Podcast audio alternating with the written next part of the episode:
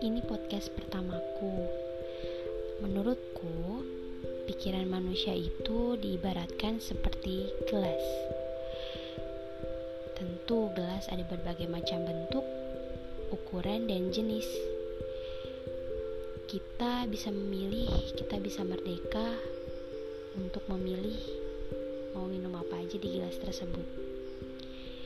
Oleh karena itu, berharap podcast ini bisa seperti menuang minuman ke gelas-gelas kalian.